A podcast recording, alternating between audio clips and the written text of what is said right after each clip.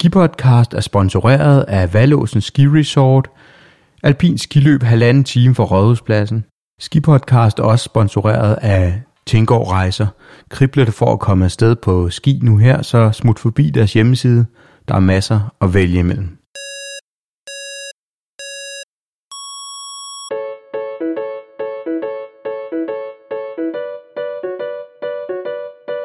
Hvor hurtig er Danmarks hurtigste skiløber?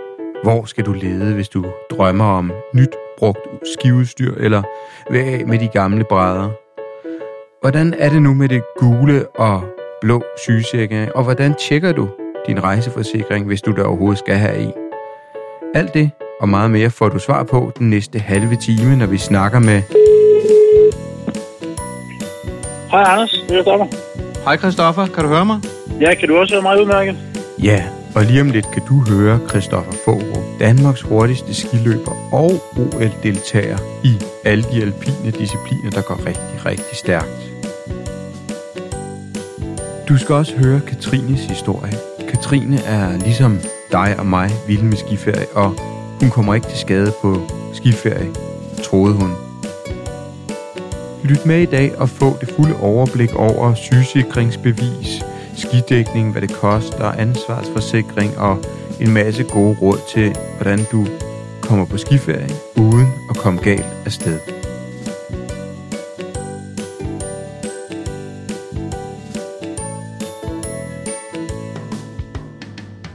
Men først, Danmarks hurtigste skiløber og vinter-OL-deltager med på en telefon fra Norge.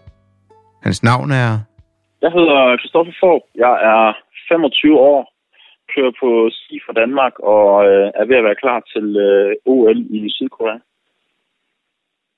Jeg har kørt på ski i 10 år, øh, og, eller 12 år, og jeg bor til dagligt i, øh, i Norge, hvor jeg har øh, brugt de ja, sidste, sidste mange år af mit liv på, på at træne.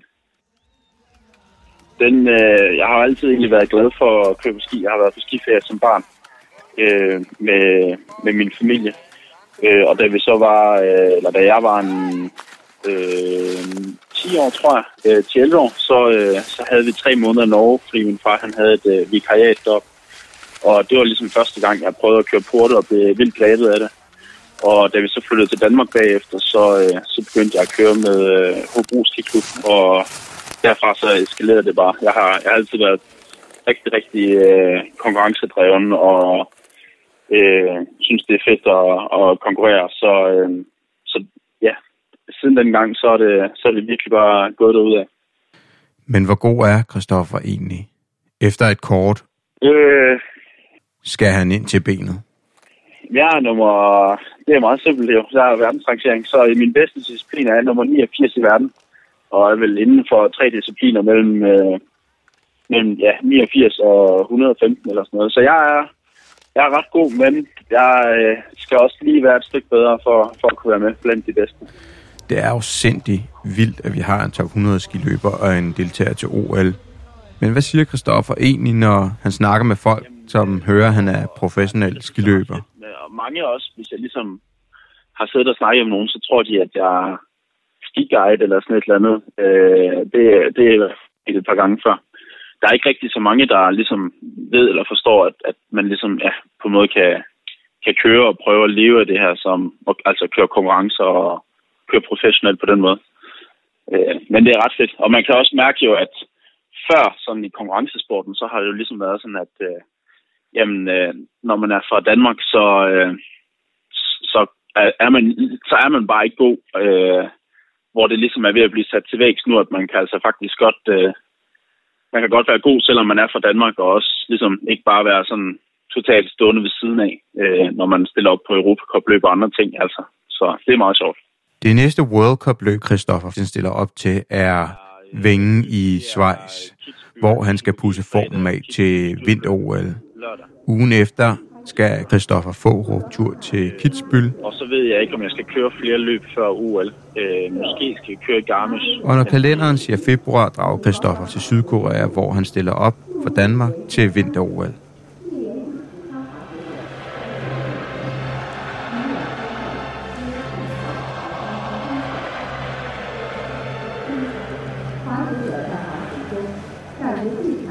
Her skal Christoffer Fogh køre hurtigt rigtig hurtigt, men nu hurtigt er egentlig det hurtigste, Danmarks hurtigste skiløber har kørt, og hvor mange gange sagde jeg lige hurtigt nu? Jeg mener, jeg har kørt øh, 145 km i timen, tror jeg nok, er det hurtigste, jeg er blevet målt til. Det er lige der omkring et sted. Med hånden på hjertet, så kan det være, hvis jeg er lidt heldig, så kan jeg lave en ny rekord her, i, øh, eller en ny personrekord i hvert fald her øh, i næste uge, når jeg skal køre i Vingen. For der, der er som, det er som regel den hurtigste strækning gennem hele sæsonen, så hvis der er gode forhold, så det hurtigste, de kørte her for nogle år siden, det var vist 160. Det var så også fuldstændig vanvittigt. 160 km i timen. Pænt vanvittigt. Tjek. 145 km i timen. Pænt vanvittigt. Ja, tjek. Men hvad går gennem hovedet, når man kører så stærkt? Øh, det, er, det, det er måske lidt øh, antiklimaks, men man kan ikke rigtig mærke det faktisk. Øh, det kommer rigtig meget ind på forholdene. Man kan køre 90 km i timen, og så er der øh, ujævn overflade, og det føles som om, man kører 140, og så kan man køre 140 på det lækreste, øh, jævne, øh, glatte forhold, og så føles det som om, man kører 90. Så, så øh, forholdene bliver rigtig meget at sige, men det er lidt sådan, at lige så snart man er op over de 110-120, så, så føles det meste lidt bare som det samme. Og til det kan man kun fyre det her lille femside grin af. Flot, Anders Guldberg. Men hvordan er det egentlig at leve som professionel skiløber? Jeg kan enormt godt lide at gøre, hvad jeg gør, og komme ud og køre på ski, og, og prøve at flytte mine grænser, og, øh, og virkelig presse mig selv. Øhm, og det er jo udfordrende og svært, og det synes jeg er enormt fedt, men, men selv livet med at, at rejse rundt og bo på hoteller, det, det lyder nok federe, end det er. Altså ikke det, at det er nederen, men, men det kan godt blive mange forskellige hotelværelser, øh, og selvom man er mange også øh, lækre steder henne, så, så får man som regel ikke set så meget af det. Altså det, mest, det går mest lige at se pisten, liften, og så vejen til og fra hotellet, så det er ikke altid lige spændende, men så er vi jo et hold, der er steder og ligesom har det sjovt sammen, og øh, man kender jo efterhånden rigtig, rigtig mange af de andre løbere fra, fra forskellige nationer, så, så der er ligesom sådan en, en gruppe og sammenhold, hvor, hvad skal man sige, vi er en kæmpe, kæmpe gruppe mennesker fra forskellige lande, der rejser rundt sammen, bor på lidt forskellige hoteller, og så mødes vi på pisterne og snakker og har det sjovt sammen og hygger os. Det er jo fedt. Udover at være one big family, så lever sportsatleter også lidt anderledes end os skiferie-turister. Eller gør de? Det korte så at være meget, øh, spiser meget og træner meget. Øh, og så i hvert fald på kostholdens del, så er det, det er nok det vigtigste, det er at få nok næring i sig. Fordi at øh, specielt om vinteren, når vi er meget ude, så bare det, at der er koldt, gør, at man bruger en masse, masse energi, så man bruger, man bruger øh, energi bare på at være udenfor, øh, selv uden at lave noget træning, for man kan sige, selve træningsdelen, det er jo måske maksimalt 8 minutter på en dag eller sådan noget, når man lægger tiden på alle turene sammen, man tager. Men, øh, men øh, man kan nemt bruge øh, over 5.000 kalorier, og det, øh, det er alligevel noget, der skal spises, når der jeg tror, sådan en guideline for en almindelig voksen mand, det er 2300 eller 2500 eller sådan noget. Øh, og så, så for min del, så har det været sådan relativt nemt, hvad man skal spise. Det er mest bare varieret, øh, altså jævnt varieret. Man behøver ligesom ikke at tælle, øh, ja, tælle sine pastaskruer og tælle kødet, man spiser og så videre. Det er bare at prøve ligesom at få en masse, og så, så er det sådan relativt fornuftigt varieret kosthold. Det er, det er egentlig nok for mig. Øh, og så har jeg selvfølgelig øh, spiser nogle proteinbar og nogle energibar en gang imellem for at kunne få noget, noget nemt, og når jeg er ude at træne for at holde energiniveauet op, det, det fungerer rigtig godt for mig. Øh, altså det er også, det er jo, skisport er lidt sådan en øh, træningsmæssigt, øh, hvad man skal kunne, øh, jack of all trades, master of none. Man skal jo lidt kunne, kunne noget af det hele, men, men ikke være helt i verdenseliten noget af det. Så det er jo rigtig meget styrketræning, både overkrop og ben, og rigtig meget kortræning, balancetræning. Bruger rigtig meget tid på udholdenhed for at, at kunne have overskud på lange træningspas, men også på løbsdage, og når man ligesom rejser så meget, at man ja, kan holde et overskud i hverdagen, det har, det har rigtig, rigtig meget at sige. Så træner egentlig rigtig, rigtig mange forskellige ting, og hen over sommerperioden, så er det som regel øh, to pas øh, om dagen, og så... Øh, man træner rigtig, rigtig meget, når man er sportsatlet. Men hvis der er for få nu, lad tankerne vandre lidt tilbage. Hvilke skiferieminder dukker så op i hans erindring?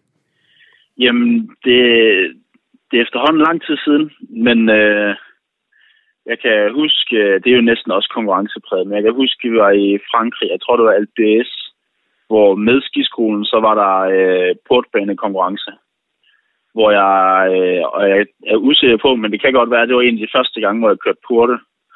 Men der tror jeg, jeg blev nummer 6 eller sådan noget øh, gennem den her portbane, og fik sådan et emblem for at, øh, for at køre hurtigt. Og så fandt vi så senere ud af, at dem, der havde slået mig, det var vist øh, skiinstruktørerne. Øh, det synes jeg selvfølgelig var rimelig fedt. Det, det har været godt for mit konkurrenceinstinkt. Så det hele startede måske i Alpe Nu skal du spidse ører, for hvem vil ikke gerne have et godt skiferietip fra Danmarks hurtigste skiløber?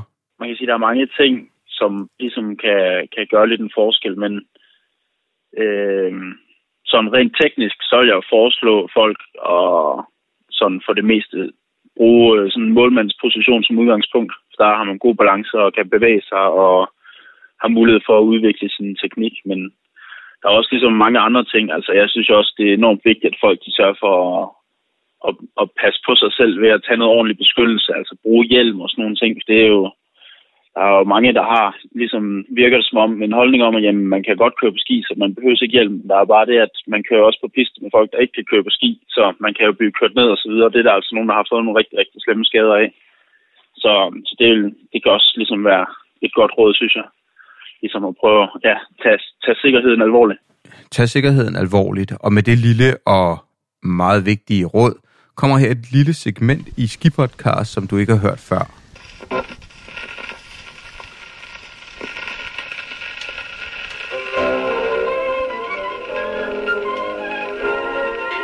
Vidste du at... Vidste du at på Facebook er den perfekte gruppe, hvis du på udkig efter nyt brugt udstyr. Det værende sig jakker, hjelme, ski, snowboard, børneski. Alt hvad du kunne tænke dig til en skiferie. Selv snikkæder til bilen kan du finde derinde, og nyt GoPro. Facebook-gruppen, der har over 10.000 medlemmer, hedder Køb og salg af skiudstyr, og her kan du altså finde nyt udstyr, og du kan komme af med din gamle brædder, hvis du vil prøve noget nyt. Så frem med telefonen og find Facebook-gruppen Køb og salg af udstyr. Og når du er derinde, så besøg også Skipodcast for alle os, der elsker skiferie.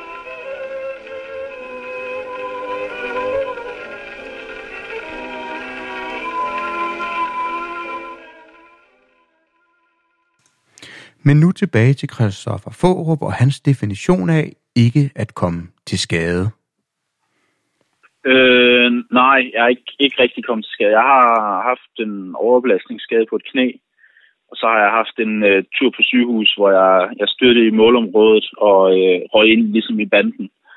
Øh, og ja, flænsede et øje og havde ondt i hovedet og var lidt i chok og rigtig, rigtig ondt i ryggen. Øh, men der var ikke sket noget, udover at jeg var godt forslået.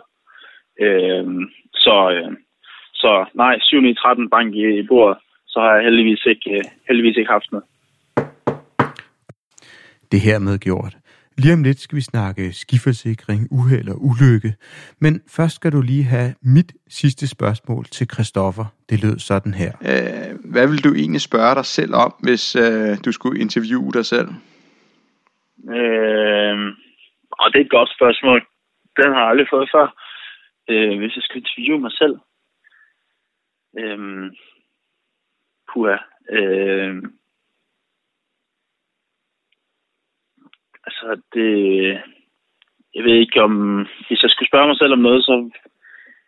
Ja, hvad, måske hvad det er, der gør, at øh, man ligesom nogle gange kører over startpinden, øh, når man står nervøs og har set sine kammerater blive hentet med helikopter og sådan nogle ting, det, det, det er nok, hvad det jeg vil spørge mig selv om. Og hvad vil svaret være på spørgsmålet? Jamen, jeg tror, øh, man, man kommer et eller andet sted hen, hvor man er så fokuseret på det, man skal gøre, og øh, på en eller anden måde lære at blokere andre ubehagelige ting ud, og så kan man fokuserer kun på, på lige præcis de arbejdsopgaver, man skal. Og det er også lidt det, jeg synes, jo, at, man, at jeg kan gå rundt og være nervøs på start, øh, se på tv nogen, der styrter. Øh, her, da jeg var nede og køre i Borgen, jo, der så vi, øh, der så vi tre helikopter fra starthuset, øh, inden vi fik lov til at køre den ene dag. Og så alligevel, så kan man, så, så står man ligesom på startstregen, pustet ud, og så er man alligevel klar nærmest, øh, nærmest har glemt det, eller altså midlertidigt selvfølgelig, øh, og så øh, fokusere på det, man skal. Det, det synes jeg, ja, det, det er sådan fedt, man kan det med, ind i hjernen, selvom det selvfølgelig nogle gange er enormt svært og ja, ikke så sjovt, men, men det, ja, det er ikke, om det er et godt svar.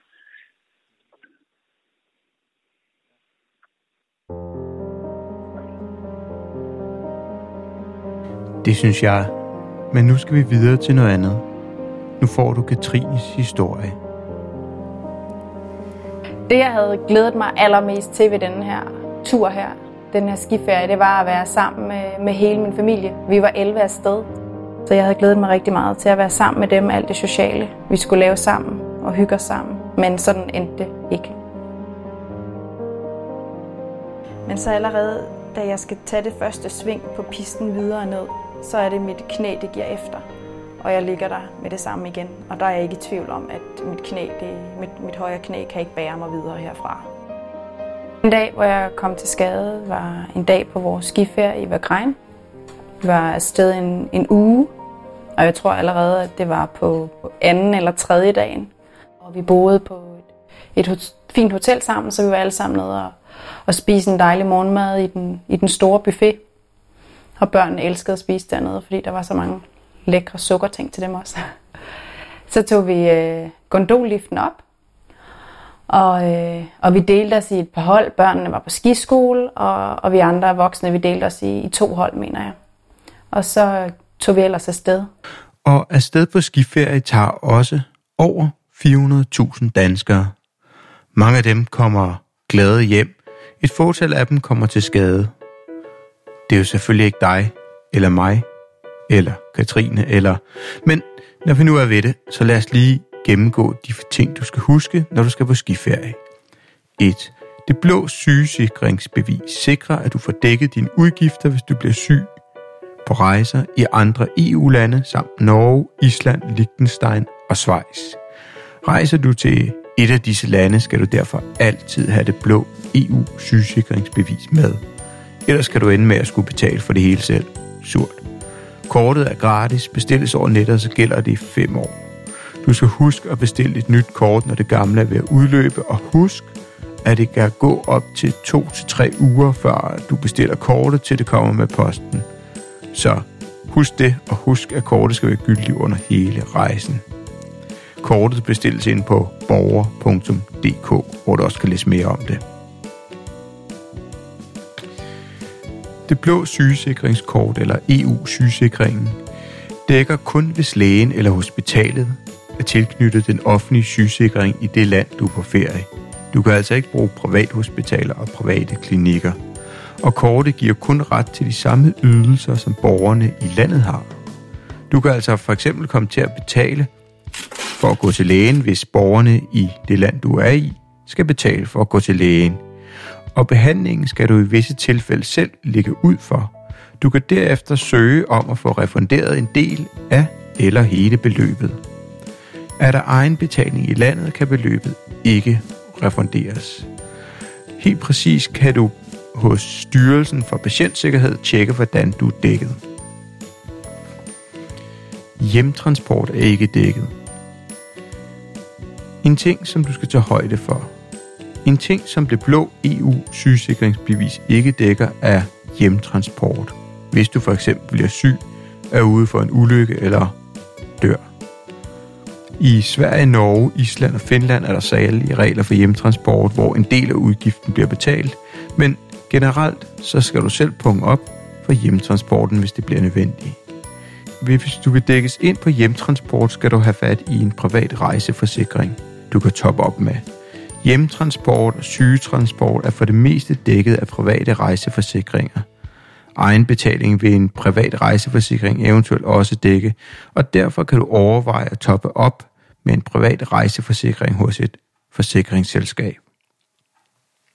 Men køb ikke en rejseforsikring uden først at tjekke, om dine andre forsikringer allerede dækker dig.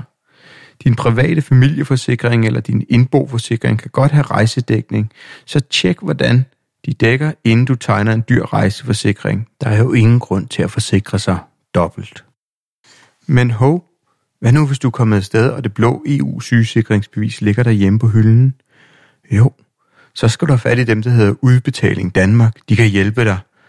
Og her kan du få en erstatningsattest for EU-sygesikringskortet tilsendt, så kan du slippe for at skulle betale for regningen, bortset fra en eventuel egen betaling. Ender du med i sidste ende at betale for hele mådet selv, så kan du søge om refusion, når du kommer hjem til gode gamle Danevang.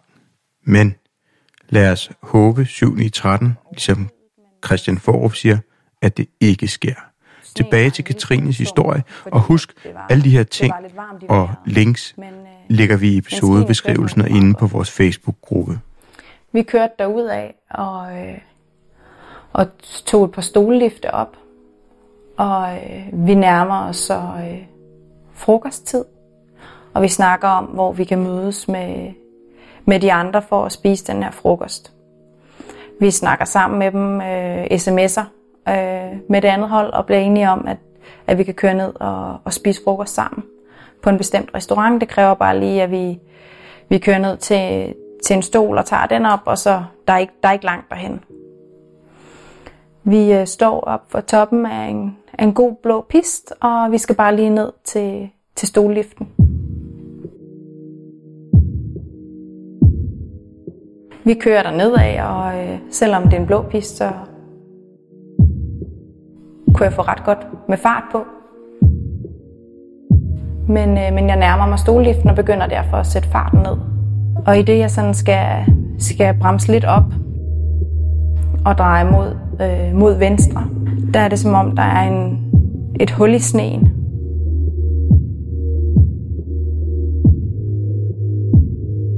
Så jeg slår en koldbøtte, og skien udløser ikke. Og pludselig ligger jeg der bare og kan ikke komme op. Hurtigt så, øh, så kommer min søster og min svoger hen til mig og spørger, om jeg er okay. Og jeg er chokeret, men og føler ikke helt, at jeg kan bevæge benene, men, men ellers føler jeg, er okay. Jeg har ikke slået hovedet eller noget. De begynder at snakke om, hvorvidt vi skal have fat i en banan, der skal komme og hjælpe mig ned, og jeg afviser det blankt, at nej, det er der ikke behov for, jeg skal nok klare mig selv. Øh, jeg skal jo bare lige sunde mig, og så skal jeg op, og så skal vi jo bare med liften, så skal vi ned og spise frokost, så kan jeg sidde og hvile mig lidt, og så skal alting godt igen. Men jeg kan godt mærke, at det er måske lige lidt sværere at komme op, end jeg lige havde, havde forestillet mig. Så jeg får min søster under den ene arm, og min svoger under den anden. Og på, på magisk vis, så kommer jeg ned til stoleliften, og jeg, jeg kommer ind i stoleliften. Vi kører op, og jeg kan godt huske, at jeg er lidt spændt på sådan det der med, at jeg skal af stoliften igen, fordi så skal jeg ligesom støtte støt på benet igen. Da det lykkedes mig at komme ud af stolliften, øh, så øh, var jeg klar til at skulle stå det første sving. Jeg var ret spændt på det, fordi jeg kunne jo godt mærke, at min krop ikke havde det helt godt. Jeg øh, sætter skistaven i jorden og sætter af, og da jeg skal slå det første sving mod venstre, så kan jeg godt mærke, at det højre knæ, det giver, det giver voldsomt efter, og, øh, og benene forsvinder ligesom under mig. Jeg bliver, øh, jeg bliver ked af det, og jeg bliver bange, fordi jeg er i tvivl om, hvad der er, der er sket. Og jeg lige så stille kan, kan indse, at, at det bliver rigtig svært for mig at komme videre herfra. Og jeg havde egentlig lidt, lå lidt med en følelse af, at jeg måske godt bare kunne stå på venstre ski hele vejen derned. Men man ved jo godt inderst inde, at det ikke rigtig er holdbart. Man har bare sådan en, en lyst til, at der ikke skulle være nogen problemer, at jeg ikke skulle være kommet noget til, så at vi bare lige kunne klare det, og jeg bare lige kunne, kunne komme ned på venstre ski, og så spise en frokost, og så var alting godt. Vi får på en eller anden måde rekvireret en, en banan, som jeg bliver, nej, en sneskuter er det vist egentlig, som jeg, jeg kommer op på, og sidder bag på sneskuteren. Og min mand kommer også med. Og vi bliver kørt ned til den nærmeste øh, kabinelift. Vi vinker farvel til resten af familien, kan huske det. Det var lidt svært. Fordi vi vidste, jeg vidste ikke rigtig sådan, hvad, hvad der nu skulle ske, og hvad der egentlig var sket med mit, med mit ben. Men vi kører ned til gondolen, og vi bliver, jeg bliver hjulpet ombord i den. Og da, da vi kommer ned med gondolen, så kommer der nogle, et sødt liftpersonale med en, med en rullestol, kørestol til mig. Kører mig hen til en taxa og hjælper mig ind i den. Og taxaen kører hen til den nærmeste læge.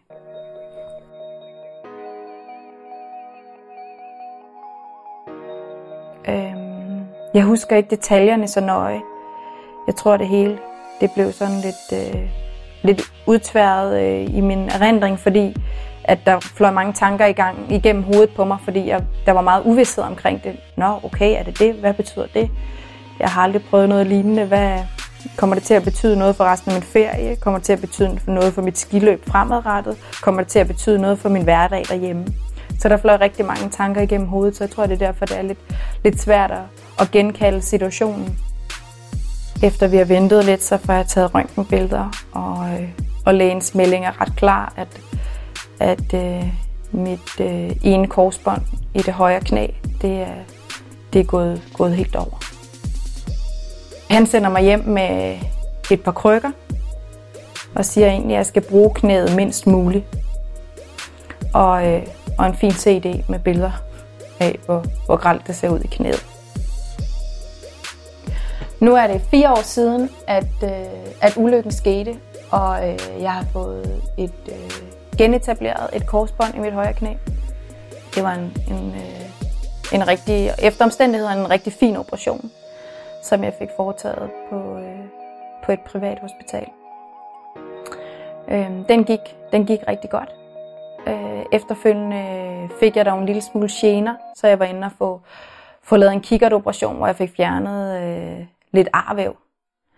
Øh, så er jeg gået til, til en masse god genoptræning øh, hos øh, to forskellige fysioterapeuter, som jo har været ekstremt gavet inden for området. Øh, så de har kendt rigtig meget til den her type af skade. Det er fire år siden nu, og jeg har ikke været på ski siden. Det er der, det er der flere gode grunde til, blandt andet at, at jeg har fået en søn, som snart, snart bliver tre år. Øh, men der er ingen tvivl om, at, øh, at han helt sikkert skal med, med sin mor på ski. Så jeg har på ingen måde mistet modet. Måske jeg vil køre lidt mere forsigtigt næste gang, men, øh, men det er nok bare lige indtil jeg har overvundet den værste skræk. Så, øh, så øh, klar på masser af skiløb igen. Tak fordi du har lyttet til Ski Podcast. Jeg ved ikke, om du sidder og tænker, kommer der en live snemelding fra Alperne eller Norge, som jeg lovede, der vil gøre hver uge? Lige nu har du lyttet en halv time, og det synes jeg egentlig er en passende længde for en podcast-episode af den her kaliber. Og så er der en anden grund til, at det ikke kommer lige nu. Det er, at der er en skipodcast-lytter, der er taget til Norge, og han har skrevet, at jeg godt må ringe til ham på lørdag. Så på lørdag, der ringer jeg til Norge for at høre, hvordan sneen er og pisterne er. Og så skal vi høre lidt mere om Danmarks Skiforbunds World Snow Day den 21. januar. Og det er et arrangement, som du virkelig skal glæde dig til at lytte til. Så på lørdag, der kommer en lille ekstra episode af Ski Podcast. Lige nu vil jeg give Katrine det anden sidste ord. Man forbereder sig jo aldrig på en, på en ulykke som det her, hvor man tænker, at, øh, at det sker ikke for mig, det sker for, for naboen eller, eller en, en eller anden. Men, øh, men det var bare ikke tilfældet. Det kan jo godt ske for en selv. Det kan det nemlig. Og det aller sidste ord, det giver jeg til Christoffer Fårup, Danmarks hurtigste skiløber. Ha' det godt. Jamen, uh, tusind tak. Det var fedt, og så synes jeg, det er fedt, at uh, der bliver lavet sådan en ski-podcast. Det synes jeg er ret nice. Så det også kommer lidt ud til folk på en, på en anden måde. Det synes jeg er lækkert. Så fedt. Super hyggeligt. Hej då. faisant un petit calcul, ça fait 9 secondes au finish. Les paris sont ouverts, les paris sont ouverts. Et la fin de course. Christopher Farup euh, du Danemark, 279, une 29, 12.